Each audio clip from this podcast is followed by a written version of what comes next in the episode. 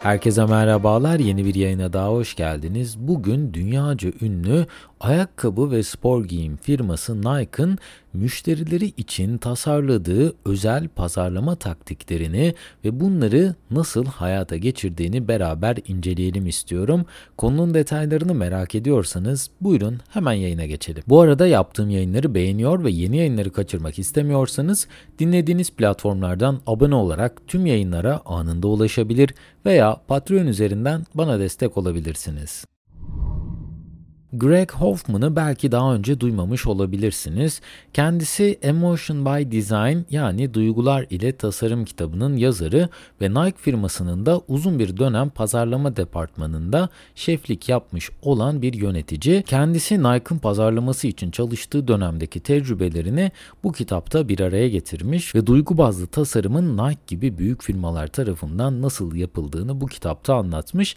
İsterseniz gelin Greg Hoffman'ın bu tecrübelerine tek tek göz atmaya başlayalım. İlk olarak tasarımla duygu ilişkisi Greg Hoffman'a göre Nike'ın en iyi yaptığı işlerden biri hikaye anlatımında müşterileri çok derinden etkileyebilmesi. Nike'ın kuruluş yıllarından beri kullanılan tasarımların arkasında bir hikaye, derin bir duygu ve görsel perspektif bir araya getirilerek ürünler tasarlanıyormuş. Nike'ın reklamlarında fark ettiyseniz genellikle bir sporcunun ilk olarak hikayesini izliyoruz ve kendisi hakkında bir bilgi ediniyoruz. Ardından da bir maça veya bir yarışmaya hazırlanırken ki yaşadığı hisleri gözlemliyoruz. Genellikle ne kadar zor günler geçirdiği veya ne kadar sıkı çalıştığı bizim duygularımızı harekete geçirmeye başlıyor ve en son olarak da ürün görselleri bu hikaye ve duygunun bir sonucu olarak karşımıza çıkıyor.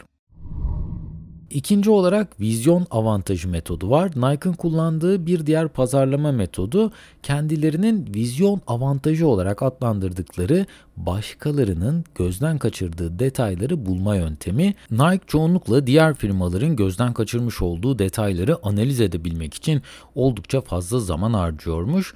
Buradaki ana amaç ise tüketicilerin her bir koşul altında verdikleri duyguların özelliklerini doğru analiz edebilmekmiş. Nike için tüketicinin endişesini, sevincini, korkularını ve hayallerini anlamak neredeyse her şeyin üzerinde denilebilir.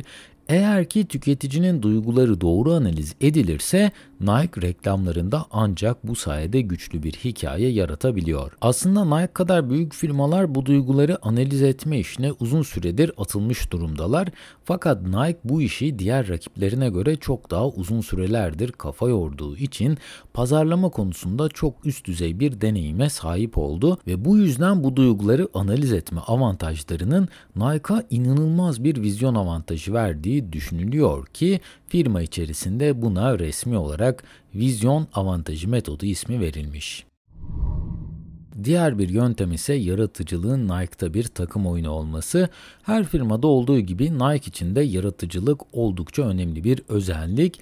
Nike da bunun farkında olduğu için yaratıcılık üzerine oldukça zaman ve para harcıyor. Nike yaratıcılığı bir takım oyunu şeklinde oynayabilmek için bazı deneyler yapıyor. Hatta deneylerden bir tanesi tam olarak şu şekilde. Nike çalışanlarını beyninin sol ve sağ lobunu daha fazla kullananlar olarak ayırıyor ve çalışanlarından malzeme olarak sadece karton kullanarak bir sandalye tasarlamasını istiyor. Fakat bu tasarımın aynı zamanda işlevsel olması, yapısal olarak dayanıklı olması ve estetik açıdan da hoş görünmesi şartı konuyor. Farklı sandalye tasarımları günün sonunda tüm ekip tarafından gözden geçiriliyor ve ardından her çalışanın yaptığı tasarıma bakılarak yaratıcılıktaki özellikleri değerlendiriliyor. Nike farklı yeteneklere sahip kişileri bir takımın içerisinde yaptığı testlere göre yerleştiriyor ve bu ekipler yaratıcılık konusunda bugüne kadar Nike'ı hiç hüsrana uğratmamış. Ayrıca bu ekibin yaptığı sandalyeleri de merak ediyorsanız onun da resmini aşağıdaki linkte bıraktım oradan ulaşabilirsiniz. Diğer bir metot ise merak en değerli üründür. Nike sadece kendi çalıştığı alanda değil tamamen farklı sektörlerdeki başarılı ürünleri incelemeye de önem veriyor ve çalışanlarının sürekli olarak bir merak içerisinde olmasını istiyor. Bundan dolayı Nike çalışanlarını farklı kültürleri deneyimleyebilmeleri için dünyanın farklı köşelerine gönderiyor ve orada üretilen en mükemmel kalitedeki ürünleri incelemelerini istiyor. Örneğin bir ekip Japonya'daki en eski kılıç üretimini yapan aileyi gözlemlemek için Amerika'dan kalkıp Japonya'ya gitmiş. Her kılıncın mükemmel olabilmesi için üretiminde nelere dikkat edildiği ve buradaki el işçiliği dahil olan kısımlarda standartların nasıl karşılandığı en ince detayına kadar Nike ekipleri tarafından incelenmiş. Yine buna benzer şekilde başka bir ekip de dünyanın en eski çay evinin peşine düşmüş. Bu ekip çayın burada nasıl toplandığını, nasıl demlendiğini, hangi aşamalardan geçtiğini bir bir gözlemlemiş. Bu ekipler ofise geri döndüğünde yaptıkları tasarımlardan tasarladıkları pazarlama taktiklerine kadar dahil oldukları alanlarda köklü değişimler yapmaya başlamışlar.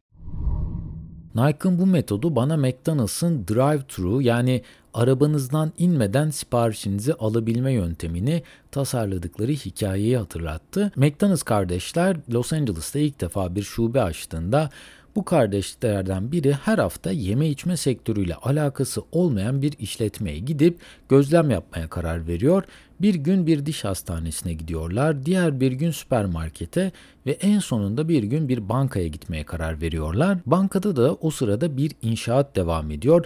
Richard McDonald bu inşaatın ne olduğunu banka müdürüne soruyor ve banka müdürü müşterilerin bankaya girmeden bazı işlemlerini halletmeleri için binanın yan kısmına ufak bir vezne açmaya karar verdiklerini söylüyor. Bunu duyan Richard McDonald bunun kendi işletmesi için harika bir fikir olduğuna karar veriyor ve dünyada ilk defa drive-thru yani arabayla sipariş sistemi bu şekilde yaratılmış oluyor. Çalıştığınız alanın dışında bir şeyler yapmak bence bu yüzden çok önemli ve bulunduğun ortamı terk et adında geçmiş bir yayında aslında bu konuyu çok detaylı konuşmuştuk.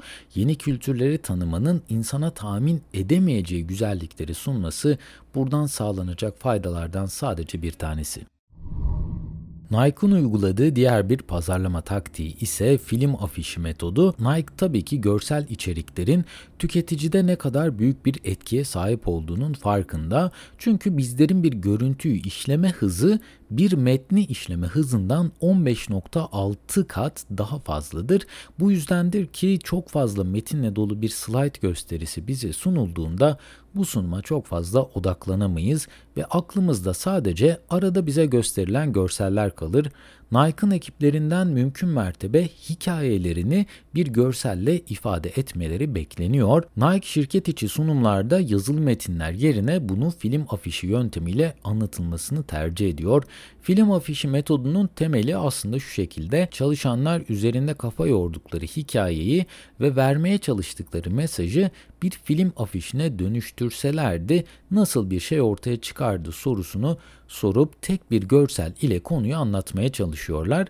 Bir fikrin afişini yapabilmek hem zor hem de çok etkili bir yöntem çünkü bazen bir görsel yüzlerce kelimelik bir hikayeyi özetleyebilir ve Nike'ın uyguladığı diğer bir yöntem ise teknoloji ile işini birleştirmek.